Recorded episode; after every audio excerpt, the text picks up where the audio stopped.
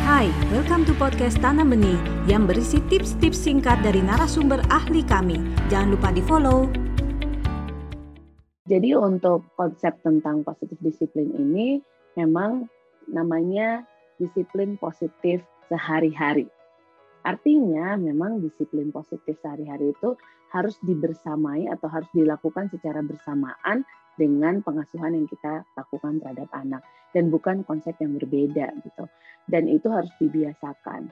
Dan ketika kita menjalankan disiplin positif sehari-hari, upayakan kita memang benar-benar memahami dulu kurangan kita di mana, keterbatasan kita di mana, supaya kita tidak terjebak dengan hal-hal yang nantinya akan menjadi bumerang untuk diri kita sendiri. Misalnya, kita sulit banget nih untuk kontrol emosi gitu. Tapi terus kemudian kita harus bangun koneksi dulu daripada koreksi. Nah, kita harus tahu limit kita.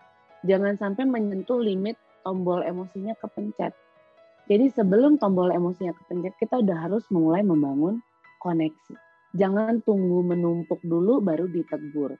Jangan tunggu anaknya teriak-teriak dulu baru diterapkan gitu. Nah, itu pasti akan membuat orang tua juga jadi overwhelmed.